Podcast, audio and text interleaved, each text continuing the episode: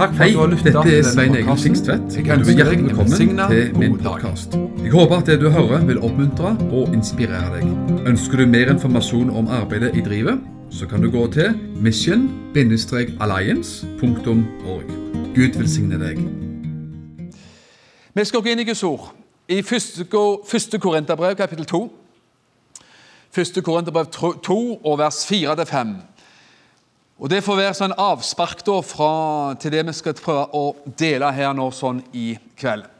Og min tale, sier Paulus, og min forkynnelse var ikke med overtalende ord fra menneskelig visdom, men med ånds- og kraftsbevis for at deres tro ikke skulle være grunnet på menneskers visdom, men på Guds kraft.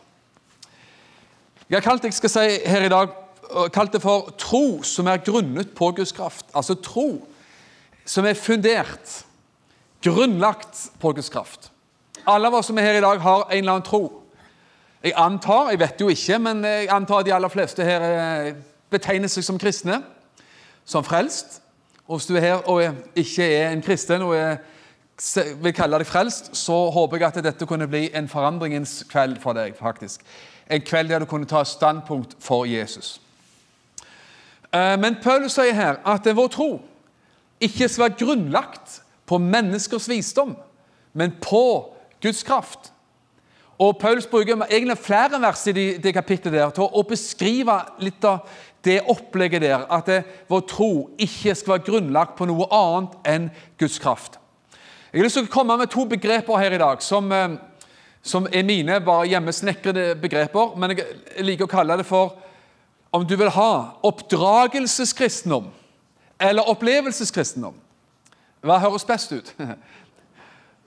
Hvis du vil si akkurat dette området er det med den fine mikrofonen her, det er området oppdragelseskristendom.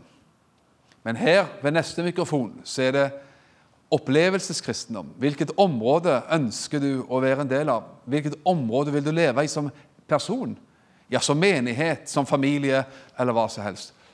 Oppdragelseskristendom eller opplevelseskristendom. Bibelen har noe å si om det, faktisk. Og faktum er at vår, vår tro, vår kristne tro, kristendommen Jeg har problemer av og til med å bruke det ordet kristendom, for det høres veldig strengt og liksom tørt ut.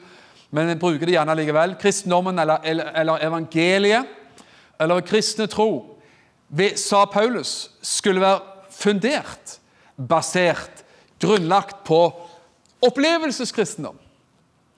Ikke oppdragelseskristendom, eller som Paulus sa, menneskers visdom. Jeg ville ikke at deres tro skulle være grunnlagt på menneskers visdom. Hva er det? Ja, det kan være oppdragelseskristendom. Bare teori, eller, eller hva skal vi si, bare liksom den akademiske sida av eventuelt evangeliet. Men Paulus sier at jeg vil at, dere skal være opp, fundert på å ha basisen i opplevelseskristendom, Guds kraft. Det er det han sier. Og I Korint så var det jo sånn at hvis man leser både brevene og apostlenes gjerninger og har kunnskap om Korint, så var det jo veldig mange rare ting som rulla i den byen der. Mye, mye, mye dårlig. Mye okkultisme, altså heksekraft og dårlige ting. De hadde vært borti disse korinterne. Og umoral. og så Det var litt av, litt av en gjeng Paulus klarte å få frelst og få brakt evangeliet. Han sier også veldig klart når han snakker om nådegaven i 1. Korinterbrev 12, så sier han veldig klart at før han, så blir dere drevet av, av gårde med avguder osv. Så sånn. Men ingen som taler ikke sånn, sier Paulus, at du kan si at Jesus er Herre. Så han skiller veldig klart mellom de de var før, og det de var nå. Det som de var opplevd til, oppdratt til, eller var kommet inn i som nytestamentlige troende. Du vet at Det er så viktig at man kommer fra å være en oppdragelseskristen til å være en opplevelseskristen med livet sitt. Og tenker spesielt på, ja Det gjelder alle av oss. Men ikke minst så tenker man gjerne på at hvis man er oppvokst i et kristent hjem, oppvokst i menigheten, søndagsskole, ungdomsmiljø og det som, og det, det som godt er Det er jo ingenting galt med det. Vi ønsker det. Enhver menig ønsker å ha et, et, et blomstrende barnearbeid, blomstrende ungdomsarbeid. og, og man ønsker at ens barn eller barnebarn skal komme til Jesus og leve med Gud osv.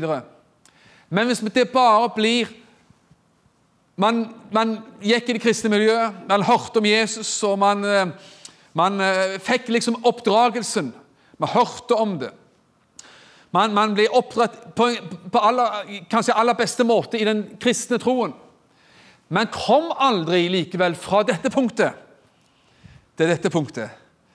Så vet du og meg, av det vi har sikkert sett rundt omkring oss, kanskje av erfaring, at det er noe som ramler av på veien. Man må komme fra å være en oppdragelseskristen til å være en opplevelseskristen. Og du er ikke enig med meg, og kanskje det er din og min opplevelse også, siden vi er her i dag, at på et eller annet punkt i vårt liv så gikk vi fra at man har hørt om Jesus på søndagsskole, hos far og mor osv., at man gikk fra dette punktet til dette punktet. Det trenger ikke alltid være dramatisk og spektakulært. er liksom aldeles voldsomt. For min del så vokste jeg opp i et godt kristent hjem på mange måter. Min mor var kristen så lenge jeg kunne huske. Hun, hun ble kristen da hun var tidlig tenåring. Og, og var, eh, var, var, en god mor og oppdro oss i den kristne forsakelse og tro. vet du. Min far han hadde nok en barnetro. Men han bekjente alle troen, levde alle troen, var aldri en bekjennende kristen. Men hadde med seg masse, tror jeg, god, god input av barnetro og oppdragelseskristen, om du vil, fra sin barndom. Men når jeg vokste opp, så kjente jeg aldri faren, min som en personlig kristen. Han var aldri motstander. Han var glad når jeg ble kristen. Jeg ble kristen da jeg var 15 år. Da gikk jeg fra her til her. Jeg vokste opp med søndagsskole, veldig bra, barnebibel og alt som godt er. Men da jeg var 15 år, eller da jeg var midt imellom, kanskje, da jeg var 14-15, vet du, da 13-14, da, da, var jeg ikke helt der. altså. Da hadde jeg lyst, på, lyst til å gjøre helt andre ting enn å ha med Jesus å gjøre. Men jeg hadde denne her mora mi da, vet du, som ba for meg hele tida, som aldri ga meg fred innenfor Gud. Og prekte for meg også, altså. Det skal jeg si. Men da jeg var 15 år, så var det udramatisk. Men jeg, jeg satt på mitt soverom hjemme hos far og mor og tok imot Jesus som en herre og frelser i mitt liv. Og hvis, hvis det knapt nok hva jeg gjorde Jeg var ikke oppvokst på et pinse, karismatisk miljø sånn som dette her. Jeg var oppvokst i statskirka og sånne ting, så da var det ikke så mye frelsesbønn eh, man hadde lært seg, kanskje. Men jeg satt der i senga og ba en enkel bønn til Jesus og bare overga mitt liv til Jesus. Og sa jeg vil tilhøre deg, Jesus. Jeg vil kjenne deg, Herre noen enkle, om du vil, banale setninger, så opplevde jeg det som Bibelen kaller å bli født på ny. Jeg gikk fra å være en oppdragelseskristen søndags, med søndagsskole og bare eh, gode bilder egentlig av kristendommen, selv om var, jeg syntes det var litt kjedelig da når jeg var tenåring. det. Men det ble annerledes ganske tidlig i livet, når jeg ble 15 år. Og siden den gangen, og det skal jeg si, det er mange år siden nå, det er snart 40 år siden, så, så har jeg ikke angra på det. Og Jesus har vært min trofaste følgesvenn og herre og frelser siden den gangen. Gikk fra å være en oppdragelseskristen til å være en opplevelseskristen. Og det er bedre å være her. Og Her kan vi alltid få lov til å være. Her kan vi alltid få lov til å vokse. Her kan vi alltid få lov til å utvikle oss som mennesker. Og Derfor så er det jo, som jeg sier, at det, det er så viktig når man spesielt vokser opp i den kristne troen, da, at man, at man ikke bare blir her men man kommer over her. Opplevelseslivet, åpenbaringslivet med Jesus. La meg få lov til å gi deg noen eh, korte Og vet du hva? Det er den type liv Bibelen snakker om. Det er den type, type liv Kristendommen, evangeliet, et åpenbaringsliv. Det er en opplevelsesliv. Det er åpenbaringsliv, åpenbaringsreligion for å kalle det religion. Det, det, av og til gjør man kanskje, men det eh, bruker Sier religion om kristendommen kan av og til føles litt sånn uh, dobbelt ut, muligens. For det er så mange andre ting som er religion, som vi gjerne ikke vil være identifisert med. Men Rent teknisk sett så kalles jo kristendommen som en av verdensreligionene. Hør hva en del av Bibelens personer snakker om og deler og, og forteller om sitt åpenbaringsliv med Gud i korte setninger. Johannes, apostelens Johannes, apostelen Johannes. 1. Johannes 1, og vers 1 og 3, så sier han det vi har sett med våre øyne, det våre hender rørte ved, det forkynner vi dere, sa han. Hva er det vi preker om, sa han? Jo, det vi har sett, det vi har hørt, det vi har rørt ved, det vi så og fikk oppleve med vårt eget liv, det er det vi driver og prater om, sier Johannes. Peter, Vi skal snakke litt mer om Peter snart. Peter han sier Apostelens gjerninger 4, vers 20. Det er både Peter og Johannes som sier det. da. De fikk jo forbud mot å forkynne evangeliet, og da sier jo Peter vi kan ikke la være å tale om det vi har sett og hørt. Vi kan ikke la være å tale om det vi har sett og hørt. Det handler om til syvende og sist hva du og meg har sett og hørt. Men du har ikke sett og hørt alt ennå. Det er ingen av oss. Og det er jo det som, er så fint. At det finnes mer å få. Mer å se, og mer å høre, og mer å oppleve hos Gud. Og Når vi nå her står i en eh, flott lokale, flott, eh, eh flott lokale, fin, fin menighet, pinsemenighet og så kan, Vi kan ta pinsebevegelsen, også mange andre bevegelser i Norge, Misjonsforbundet, mange lutherske organisasjoner som er egentlig basert sin virksomhet og basert sin tro på dette, faktisk. Opplevelseskristendom. Personlig omvendelse. Personlig frelsesopplevelse. Mens det også, dessverre, sier jeg, med frimodighet sier jeg det, at det fins også sider eller deler av kristenheten som bare er her, men som kanskje til og med latterliggjør og ser ned på det området som er her, nemlig opplevelseskristendommen. Du finner andre plasser i Bibelen og andre folk i Bibelen. Hva sa Paulus? Paulus sa i, eh, i 2. Eh, Timoteus 1,12.: Av denne grunn lider jeg også. Dette, sier han. Likevel skammer jeg meg ikke. Tenk det. 2. Timoteus brev. Siste brevet til Paulus i Bibelen. Han satt i et usselt fangehull i Rom. Vennene, Mange venner hadde forlatt han. Han var ved slutten av sitt liv og ble usselt behandla. Det var ikke mye igjen av han, om man kan si det sånn. Men motet hadde han, og troen hadde han. Men han hadde ikke så mye annet. Men han sier, 'Jeg skammer meg ikke', sier han. 'Jeg lider, men jeg skammer meg ikke.' For jeg vet hvem jeg har kommet til tro på. Og jeg er overbevist om at han er mektig til å bevare det som er overgitt meg, helt til den dagen. Det er fantastisk. Paulus sa det. Jeg, jeg, vet hvem jeg tror på. Jeg skammer meg ikke. Jeg lider. Og Han hadde blitt fornedrende og usselt behandla. Det, det, det, var på slutten av livet hans, så det var ikke mye igjen. Men altså, det fantes noe her inne som oppreist.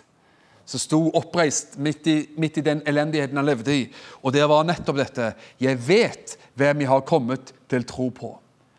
Skjønner Paulus Kanskje før han ble frelst, så levde han her på mange måter, som en fariseer. Men etter å ha møtt Jesus, så kom han hit. Opplevelseskristendommen, oppdagelseslivet, åpenbaringslivet opp, sammen med Jesus. Du har en annen kar som vi gjerne ikke snakker veldig mye om i Bibelen, fra Gamle testamentet. Jobb. Det er jobbig, vet du, med jobb. Men Jobbs bok er ikke så, den er ikke så gal, sa du. Den er ikke så verst. Du, du kan være litt depressivt i visse plasser, men du må få tak i hele historien. For Gir du opp midt i jobb, så blir det som sagt kanskje jobbig. Men Jobb han hadde, han fikk en oppdagelse og fikk opplevelse og fikk et hva skal si, møte med Gud. Han sier bl.a. etter Jobb 1925, for han sier Og det er herlig vers, vet du. For jeg vet at min gjenløser lever og som den siste skal han stå fram på støvet. Fantastisk. Når, uansett omstendigheter i livet, uansett ytre forhold Heldig er den personen som kan si det med hjertet sitt. Jeg vet at den gjenløse lever. Jeg vet hvem jeg har kommet til å tro på. Jeg vet hvem jeg tilhører. Og enda bedre, om du vil, så sier Jobb mot slutten. Da har han jo virkelig sett lyset, om det kan si det sånn. Da har han møtt Gud.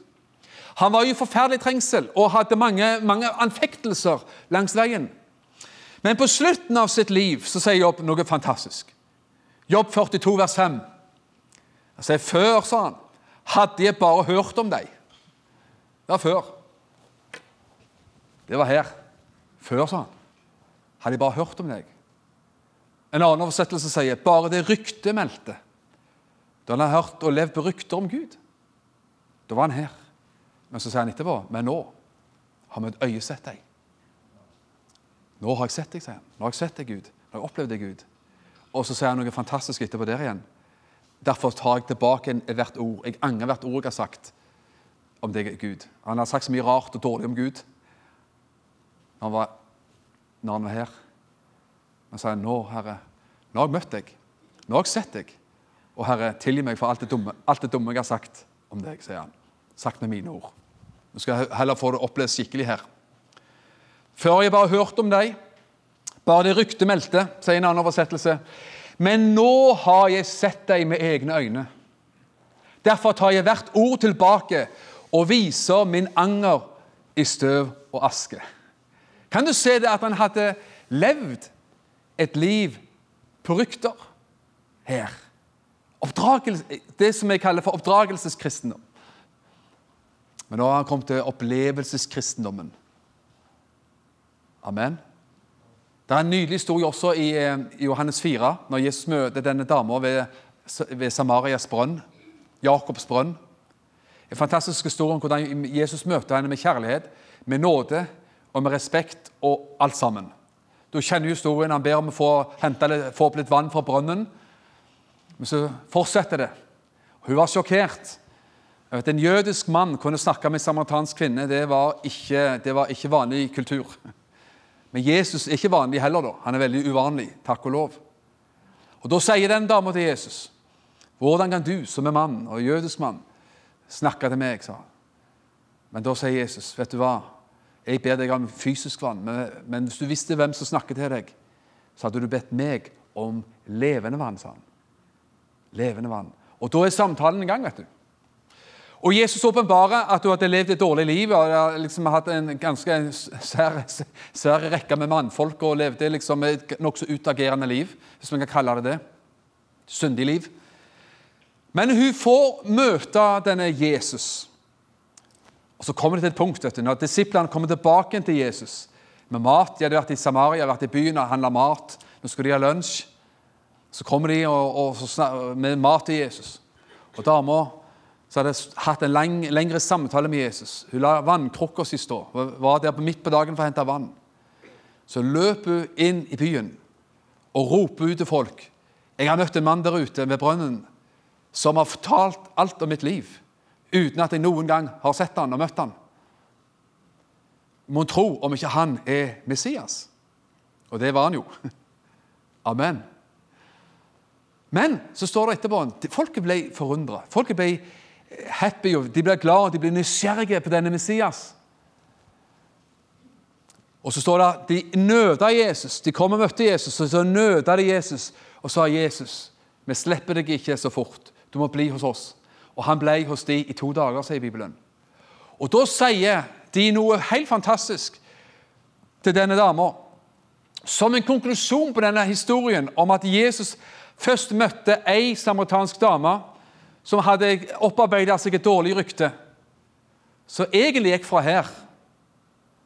For hun hadde en teori om Gud. Hun begynte å diskutere teologi med Jesus. Skal vi, oss samaritanere vi sier vi skal tilbe Gud på Garisim-fjellet. Men dere jøder dere snakker om at dere skal tilbe Gud i Jerusalem. Så hun hadde litt sånn peiling. Litt oppdragelseskristendom hadde hun fått med seg, hun også.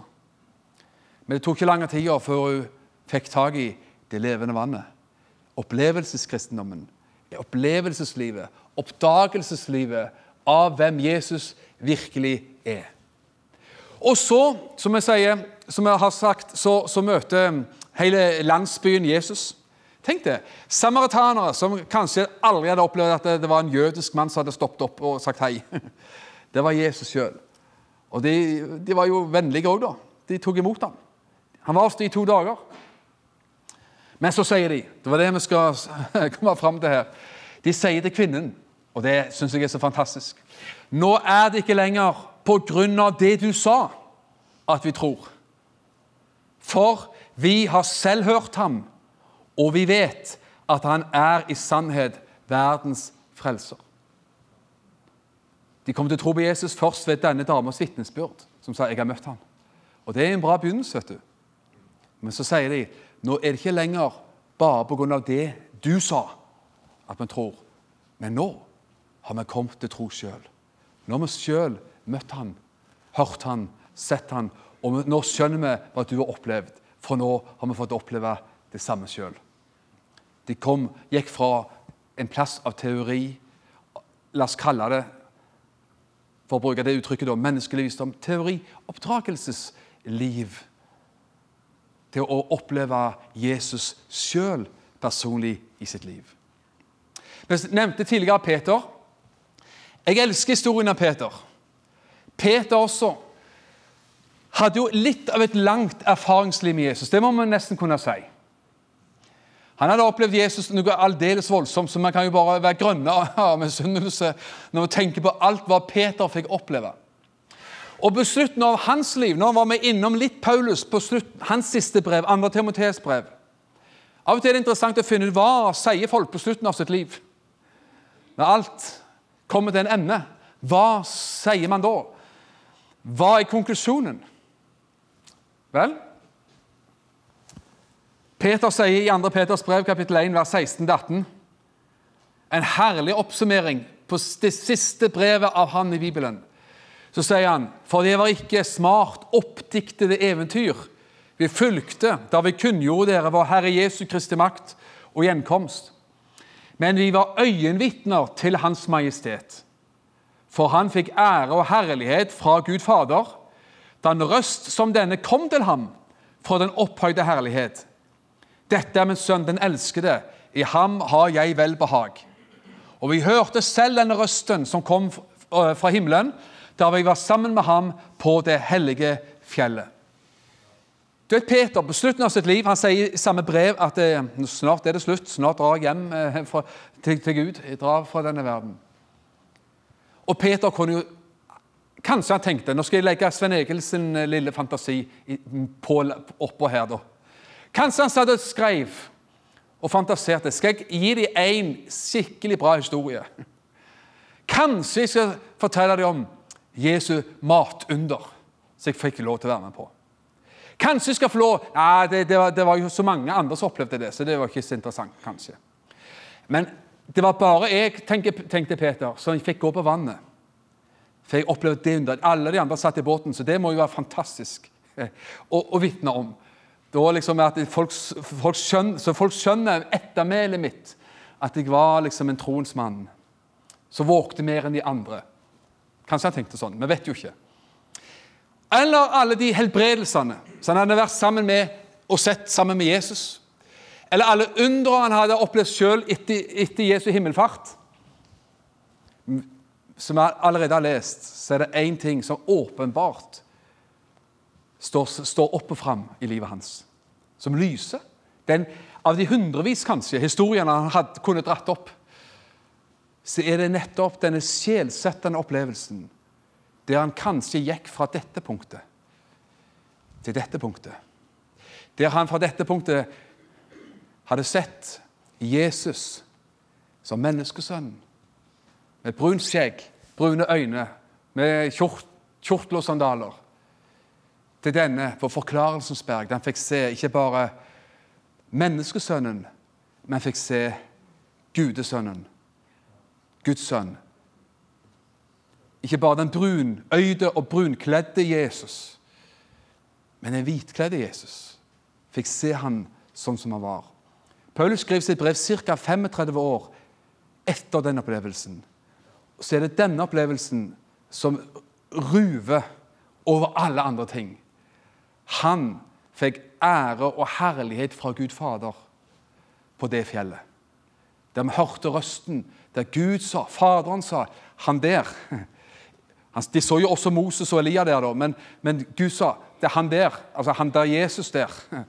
Det er han som er min sønn. De to andre karene de, de har gjort jobben sin, så de lyser fred over deres minne. Det var mine ord, altså. Det var ikke Gud Faderen sine ord direkte. Svein Egils fantasi. Men Faderen peker på Jesus Altså, han der er min sønn. Min elskede, hør ham. Det er han det gjelder nå. Det er han dere skal høre på nå. Peter fikk se noe. Peter fikk oppleve noe, nemlig at menneskesønnen også var gudesønnen.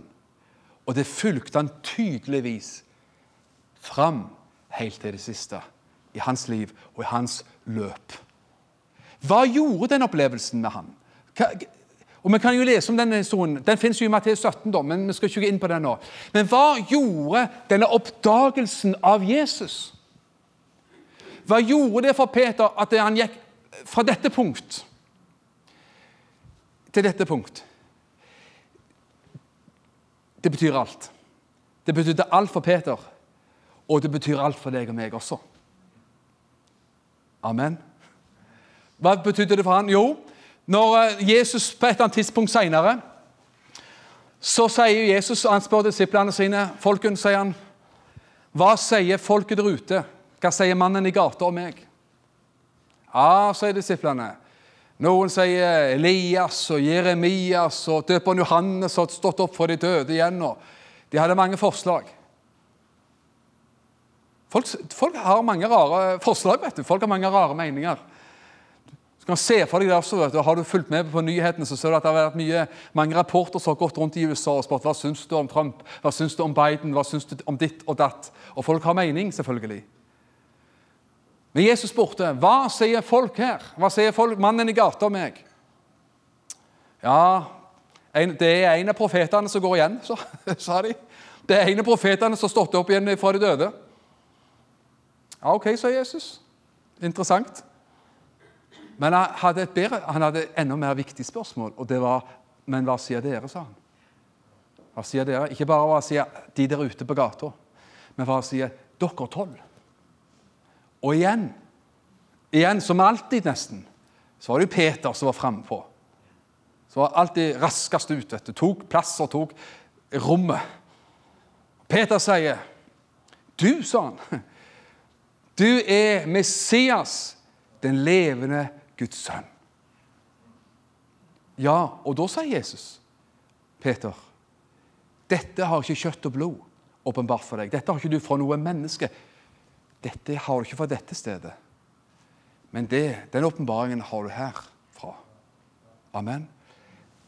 Du har fått det åpenbart av Gud. At Jesus han er Messias, den levende Guds sønn. Amen. Og på den klippen så skulle også Jesus, og på den åpenbaringen skulle Jesus bygge sin menighet. Men kan du se hva den åpenbaringen Han fikk se Jesus på det hellige fjell, høre røsten fra himmelen, hva det gjorde med Peter da han bar det med seg. Jeg vet fra nå av hvem jeg tror på. Jeg vet fra nå av hvem denne Jesus er. Jeg har ikke bare sett den brune Jesus, brunøyd og brunskjeggete Jesus. Jeg har møtt den hvite Jesus. Ikke bare menneskesønnen, men gudesønnen har jeg møtt. Og det gjorde Peter trygg og fremodig. Det gjør, og det samme vil skje med deg og meg. Det samme vil skje med ethvert menneske som får oppdage hvem Jesus er. Sånn at din og min tro ikke er grunnlagt på menneskelig visdom, men på Guds kraft. Noe som har skjedd personlig. En personlig oppdagelse. En personlig opplevelse. At man har sett noe, skjønt noe, forstått noe. Og som jeg tror jeg har sagt allerede Det behøver ikke være liksom, hva som si, spektakulært ved engleåpenbarelser og alt mulig. Gjerne det også, men det er ikke nødvendigvis sånn. Men det er bare at enhver får lov til å gjøre sin personlige Jesus-oppdagelse i livet sitt. Og Da har man en tro som holder. Da har man en tro som består, en tro som tåler litt forakt, kritikk, fnys, eventuell forfølgelse. Selv om man opplever ikke akkurat veldig mye reell forfølgelse i Norge. Man kan gjerne føle det, men det er fordi at man ikke har møtt eventuelt, eller vært kristen i et annet land. Er du enig i det? Jeg har hatt gleden av å reise en god del. Møtt mennesker. husker Det mange år siden, og jeg har bilde av en karen her. Møtte han hos en kirkeleder i India. som bodde hos han, en kirkeleder. Da han var 16 år, så, så kom han til Jesus. Og Hans egen familie fikk kapt av han hånda og, og helt syre i fjeset på han. en mann, en ung mann den gangen som hadde betalt en voldsom pris for han hadde oppdaget hvem Jesus var. Så hvis vi snakker om forfølgelse i Norge, vet du, så, så, så, og at man blir forfulgt i Norge, så er det ikke alltid sånn som det. Men hva da videre? Hva skjedde mer med Peter? Han ble trygg og fremodig i sin tro. Så kan vi lese også fra Johannes 6. Jesus hadde gjort eh, eh, metta 5000 mennesker med to fisker og fem brød. Kjenner historien. Og vet dere hva som skjedde? Hvis vi leser hele det kapittelet, lange, det lange kapittelet 6 der i, i eh, Johannes 6, så er det sånn at eh, de begynte å følge Jesus i tusentalls pga. at Jesus ga dem mat. Og de syntes det var veldig festlig og veldig tøft å følge Jesus. Det, var, det, var veldig, det, det, skjedde så mye at jeg tenker at dette er bare, dette tar helt av. Så kommer vet du Jesus sier et av de versene, så sier han til dere sier han til folket Dere følger meg, sier han. Ikke fordi at dere, dere følger meg fordi, fordi dere fikk mat, sier Jesus. Ikke fordi dere har sett mirakler. De fulgte Jesus pga. brød og fisk. Og så sier Jesus, arbeid ikke for den mat som forgår, men for den mat som består, som menneskesønnen vil gi dere til evig liv. Og så begynner Jesus etterpå å preke veldig liksom, utfordrende. vet du. Han sier at det, det det handler om Nå sier igjen Sven Egils lille oversettelse og mellom linjene tolkning. Det er som om Jesus sier folkens, det dreier seg heldigvis om noe mer enn brød og fisk. Selv om det var kjekt. Så begynner Jesus å snakke om at man skal spise menneskesønns legeme og drikke hans blod. Og ved det skal man ha evig liv. Så Jesus snur det fra brød og fisk til å snakke om sitt eget legeme og blod. Så snakker vi om overgang, av emneskifte. Og så sier Bibelen etter den tid så er det mange av disiplene som, eller folket som trakk seg tilbake igjen. Som ikke gikk lenger sammen med han. De gikk hjem til hvert sitt. De tenker, Nå var festen over. Nå var, nå var det ikke så gøy lenger.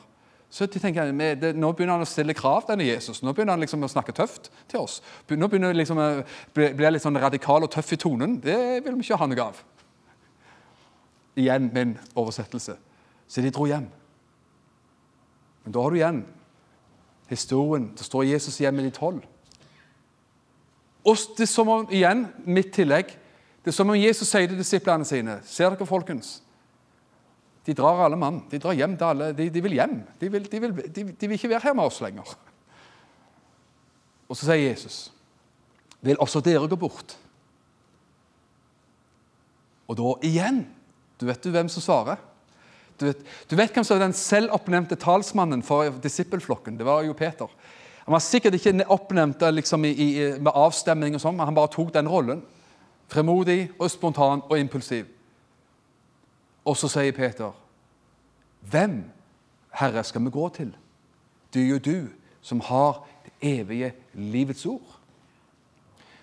Igjen så er det som om Peter sier altså, 'Jesus, du foreslår at vi òg kan dra.' Takk for tilbudet. Men vi har ingen plass å dra, sa han. Vi har ingen andre alternativer. Vi har liksom ingen vi, vi, Du foreslår at vi kan bare dra et sted og, og gjøre hva vi vil. Men, men Jesus Igjen min tillegg. Kanskje Peter sa Husker du ikke Jesus for tre år siden eller to og et halvt år siden? Når du kom forbi fiskebåten min. Jeg sto der og rensa garn og, og jobba som en helt. Så kom du forbi, og så sa du 'følg meg'. Og Så sier Peter kanskje til Jesus 'Jesus, du vet jo hva jeg gjorde den gangen. Jeg slapp det jeg hadde i hendene.' Og Så gikk jeg og fulgte deg. Og Så sier du at jeg kan bare dra. Hvem skal jeg dra til? Har du forslag? Har du, har du et godt alternativ, Jesus, siden du sier vi kan dra? Vi har ikke noe annet alternativ, for det er du som har det evige livsord. Kan du se at Peters oppdagelse av Jesus, Peters oppdagelse av han han fikk se denne Jesus, menneskesønnen, ble forandra, og han fikk oppdage han som gudesønnen hva det gjorde i hans liv. Selv når alle andre gikk og dro sin vei og ville noe annet, så var Peter der, også de andre tolv eh, ja, de andre tolv til sammen. da. De, andre, de elleve i tillegg til Peter. Så sto de fast. på sin beslutning om å følge Jesus. Og så vet vi selvfølgelig også at Judas da ble bytta ut siden, da, og han, han, han ramla av lasset. Men kan du se Peters besluttsomhet fordi han hadde oppdaget Jesus som den han var? Nå har vi fulgt Peter litt. Og igjen så har vi jo allerede lest litt av det. Men som om sirkelen da slutter igjen, så skal vi bare så vidt innom igjen andre Peters brev og igjen bare tenke på det som han sa der. Når Peter igjen ville tenke, komme fram med sitt kjæreste minne, sin sterkeste opplevelse, så var det ikke at han gikk på vannet og andre ting. Men så var det dette.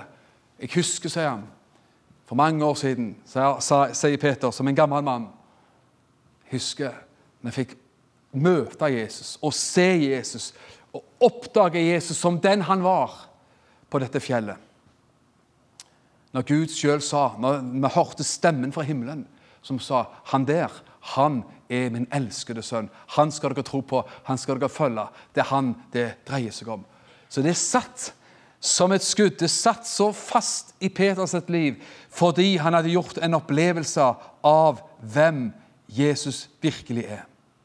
Og vet du hva? Jeg tror at det er så viktig at enhver av oss er der, kommer der, folk som har vokst opp i menighetsliv, f.eks. som ungdom osv. Man tror foreløpig kanskje fordi at far og mor tror. Det er bra, en god begynnelse. Men alle av oss må komme dit hen at vi går fra her til her. Som jeg sa, det gjorde jeg selv da jeg var 15 år. Jeg er glad jeg gjorde det. Det skjedde tidlig. Vokste opp med søndagsskole og god kristen oppdragelse. og eh, Flere kristne i, i familien min osv. De fleste var kristne. Far min var ikke kristen den gangen, men han ble heldigvis før han gikk hjem til Gud for mange år siden. når Han døde tidlig, men fikk vendt seg til Jesus. Så det er fantastisk. Men sjøl så gikk jeg fra dette stedet til dette stedet da jeg var 15 år gammel.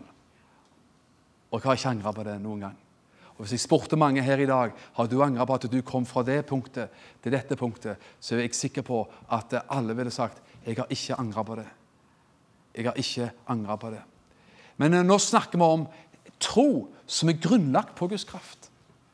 Altså, Troen er grunnlagt, er, er, er satt oppå en grunnvoll, som er en sikker grunnvoll, som er så mye mer enn det teoretiske, det akademiske. Men det er noe mer enn det. Det er at man har sett, oppdaget noe som sitter i livet. Jesus, når han sendte ut sine tolv disipler det vil si, første runden så sendte han ut sine tolv, to og to, for å gå ut til massevis av landsbyer. vet du, og De skulle gjøre akkurat det samme som Jesus.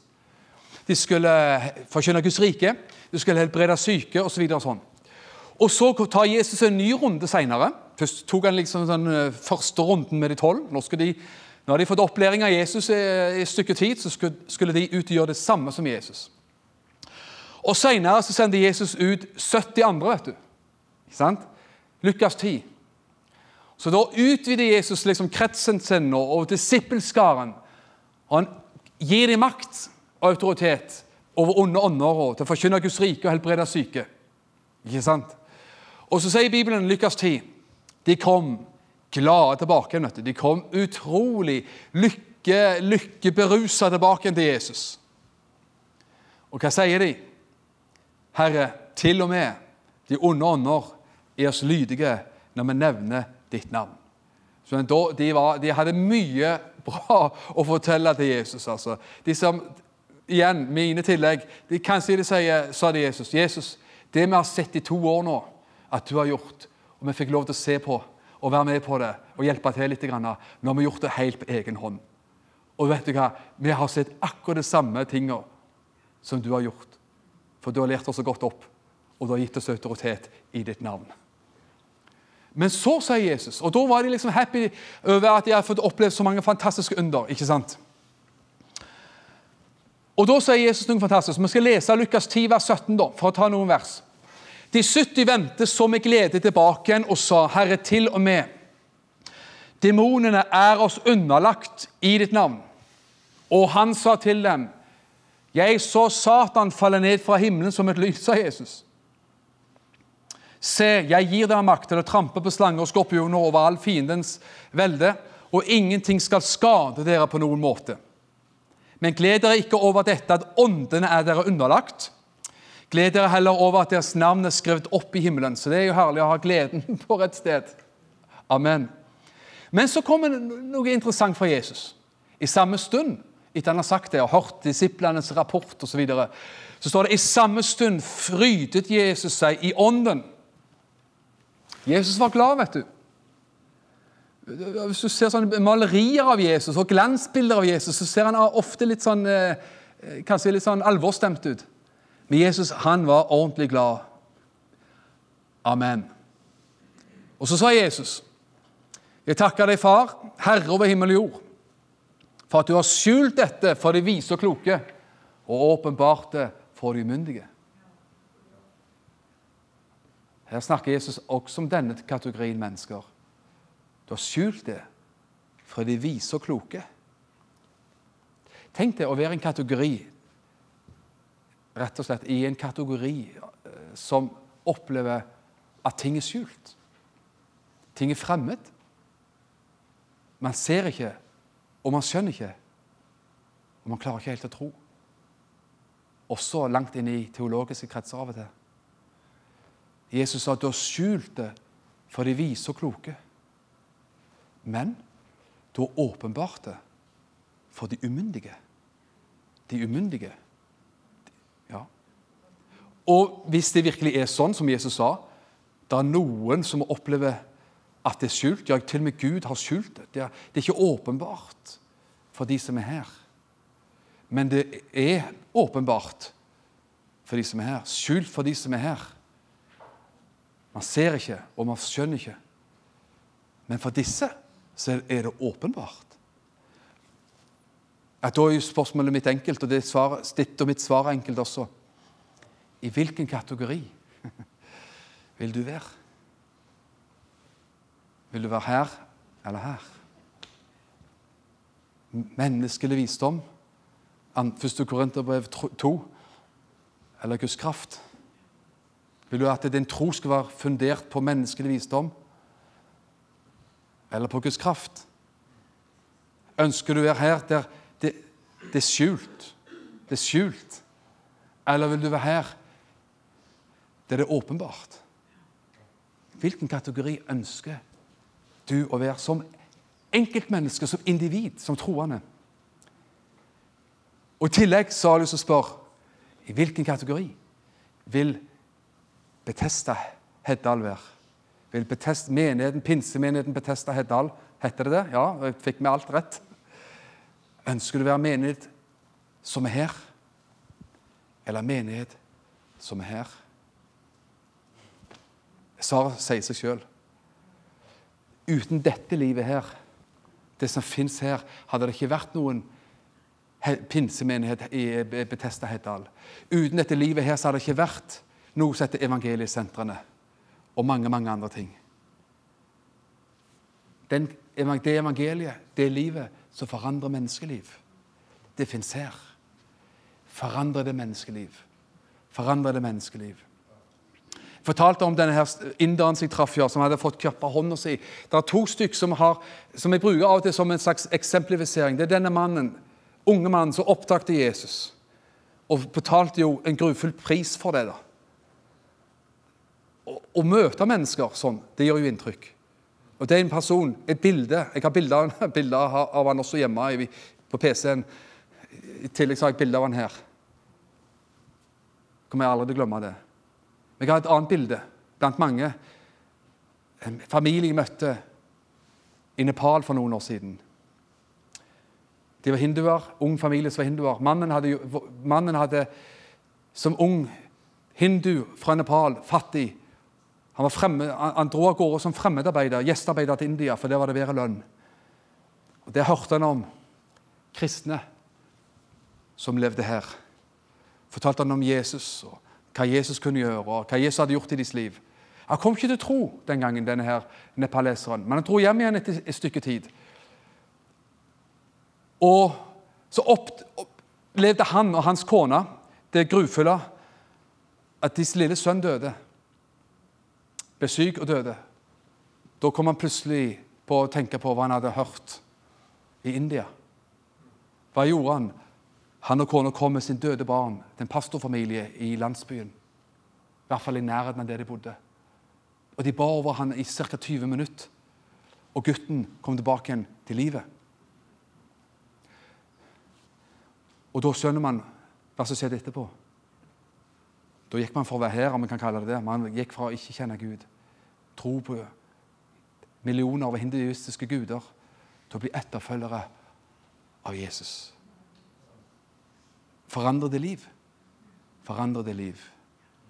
Jeg har møtt dem, jeg har uh, hilst på dem og holdt guttene mine armer.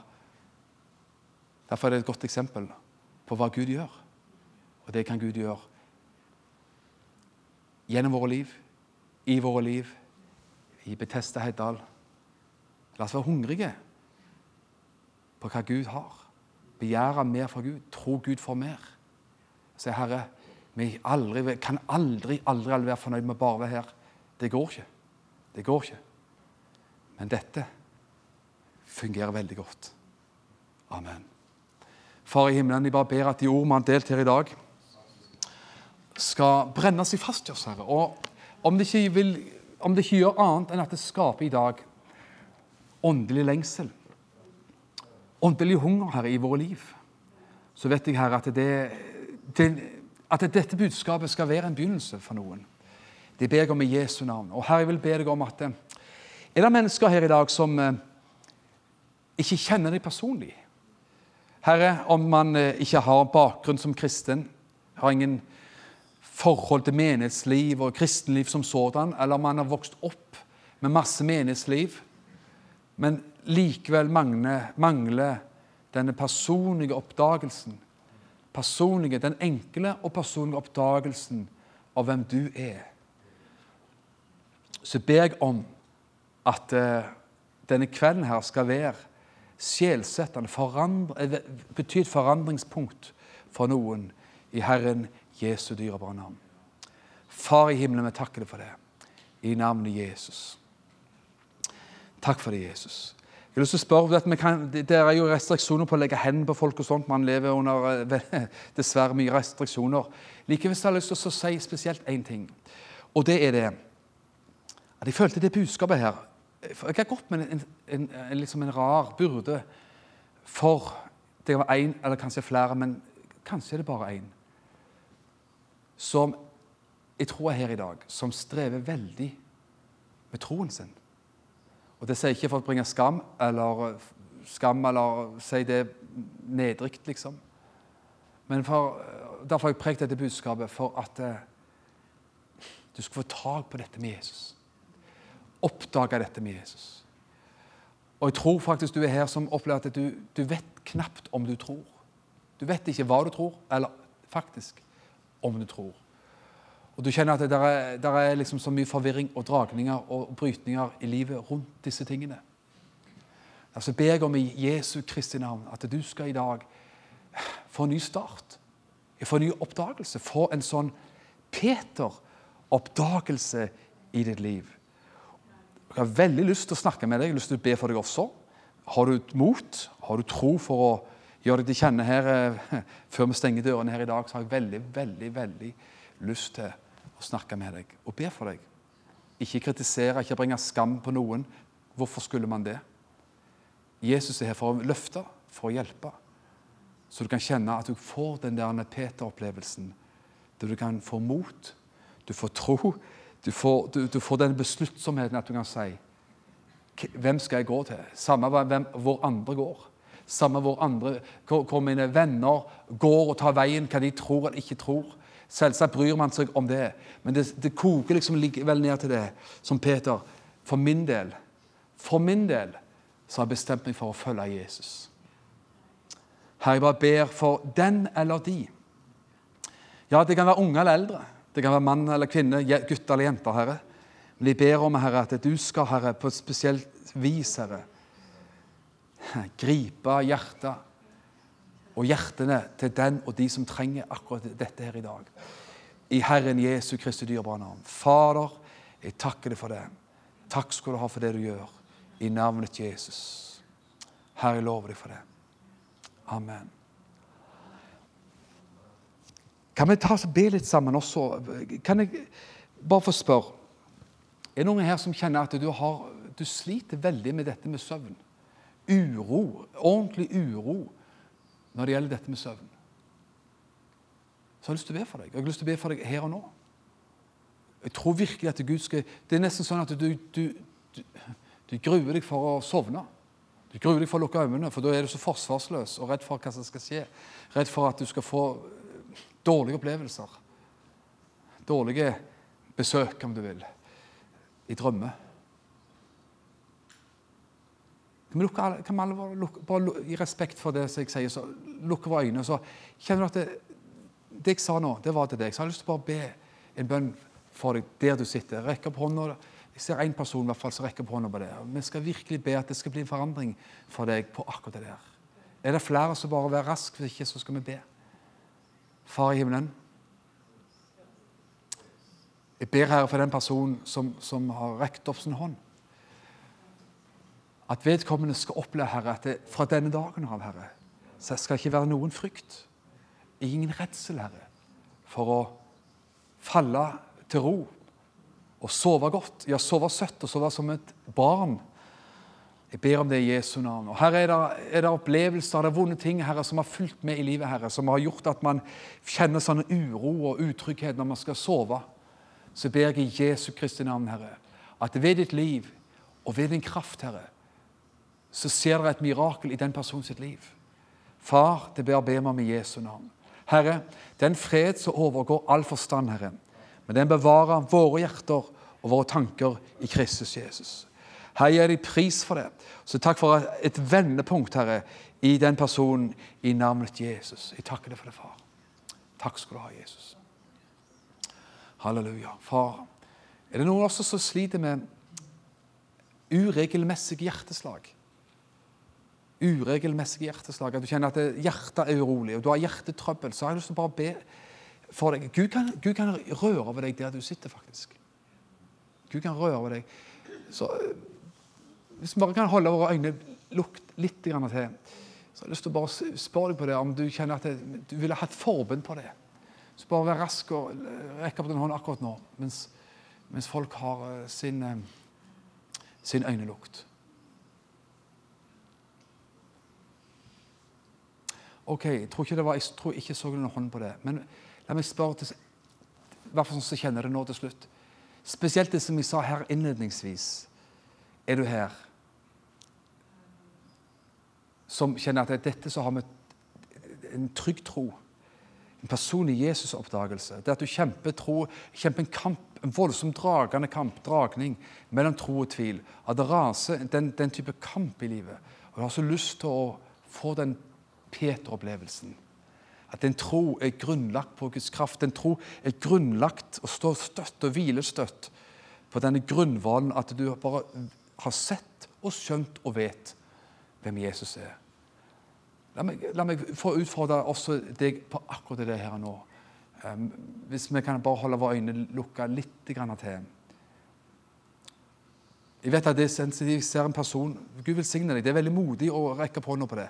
Veldig modig er det faktisk. For er det noen ting som er personlig for oss, er det jo det, mer enn mye annet. Det, jeg tror det er flere, men, men det, er ikke, det, er ikke, noe poeng å liksom, få flest mulig og den stilen. Er det en til eller flere, så bare vær rask på det nå. Hvis ikke, så skal vi be for deg som har rekt opp hånda. Herre, jeg bare ber i Jesu navn at det er den personen som har rekt opp hånda på det Herre, om vi ikke kom for noe annet her i dag, om vi kan få lov til å være med og forkynne og bringe og be for at det skal komme en sånn en troens visshet og troens trygghet inn i noens liv her i dag. Herre, så, så må jeg si bare det at da er så takknemlig, Herre. Så jeg bare ber at anfektelse, tvil og disse dragende kampene som fins i den som rekte opp sin hånd, Herre, skal rett og slett stilne. At vi kan si bølger og vind, vær stille. I Jesu Kristi navn. Stormfullt stormfull hav, vær stille i Herren Jesu Kristi navn. Bare ber, Herre, at du skal på ditt vis åpenbare deg for den personen, Herre. Og eventuelt andre som ikke vågte å rekke opp sin hånd. Herre, la det komme dager, ja uker, Herre, for den saks skyld resten av denne høsten, Herre. At noen her oppdager, får se deg og oppdage deg på nytt, Herre, på sånn en vis. At man kan si som jobb Jeg vet at min gjenløser lever. Jeg kan ikke la være å tale om det jeg har sett og hørt. Herre, det denne, at det meisler fast i livet på sånn et vis. At man kan gjøre sånn som denne samaritanske kvinnen. Herre. Man, man er ikke redd for å løpe ut i byen og si jeg vet, jeg har møtt Jesus, jeg tror på han. Jeg vet at jeg vet at jeg vet at han lever. Herre, la det være tilfellet for hver eneste en av oss. I Jesu navn. Og Far i himmelen, jeg har lyst til å be for denne menigheten her. Jesus, la, som også har blitt sagt innledningsvis ved møteleder, nye tider, Herre, av vekkelse. Nye tider, Herre, av bølger av åndsutgytelse. Bølger av Guds nærvær, bølger av Guds kraft, bølger av de ting som du har. Herre, ofte kommer det ved at vi vil det, ved at vi gjør det, at vi lengter etter det. At vi sier, Herre, vi er ikke fornøyd. Vi er takknemlige for der vi er, men likevel ikke fornøyd. For vi vet at det finnes så mye mer. Herre, jeg bare takker deg, Herre, for det. I Jesu navn. Kom, Herre, og berør. Herre, la ditt liv, Herre, syde, og koke og, og, virkelig liksom bare dampe Herre, sterkt i denne menigheten, Herre. I Jesu navn. Nye tider av vekkelse, nye tider av forvandlede menneskeliv. At menneskeliv skal, mennesker skal få sine liv forvandla her på dette sted. I Jesu navn. Herre, også har jeg lyst til å be for, for Betesta, også for Elim, Elim Herre menigheten der borte. Og jeg bare ber at også den menigheten som vi kjenner litt til, skal oppleve rike tider, Herre. Mektige tider, rike tider av vekst. Av bare det som godt er. I Jesu navn. Takk, Herre, for enhet også blant menighetene her i områdene. Menigheter som tror på ditt ord. Menigheter som står på Guds ord. Herre, at det skal ikke finnes noen ting her som settes ulidelig og dårlig skille, Herre. Vi kjenner at det er en stor familie som, som, som eh, lever i enhet og i fred med hverandre og oppmuntrer hverandre. I Herren Jesu Kristi navn. Amen. Vær så god, møteleder. Takk for at du har lytta til denne podkasten. Jeg ønsker deg en velsigna god dag.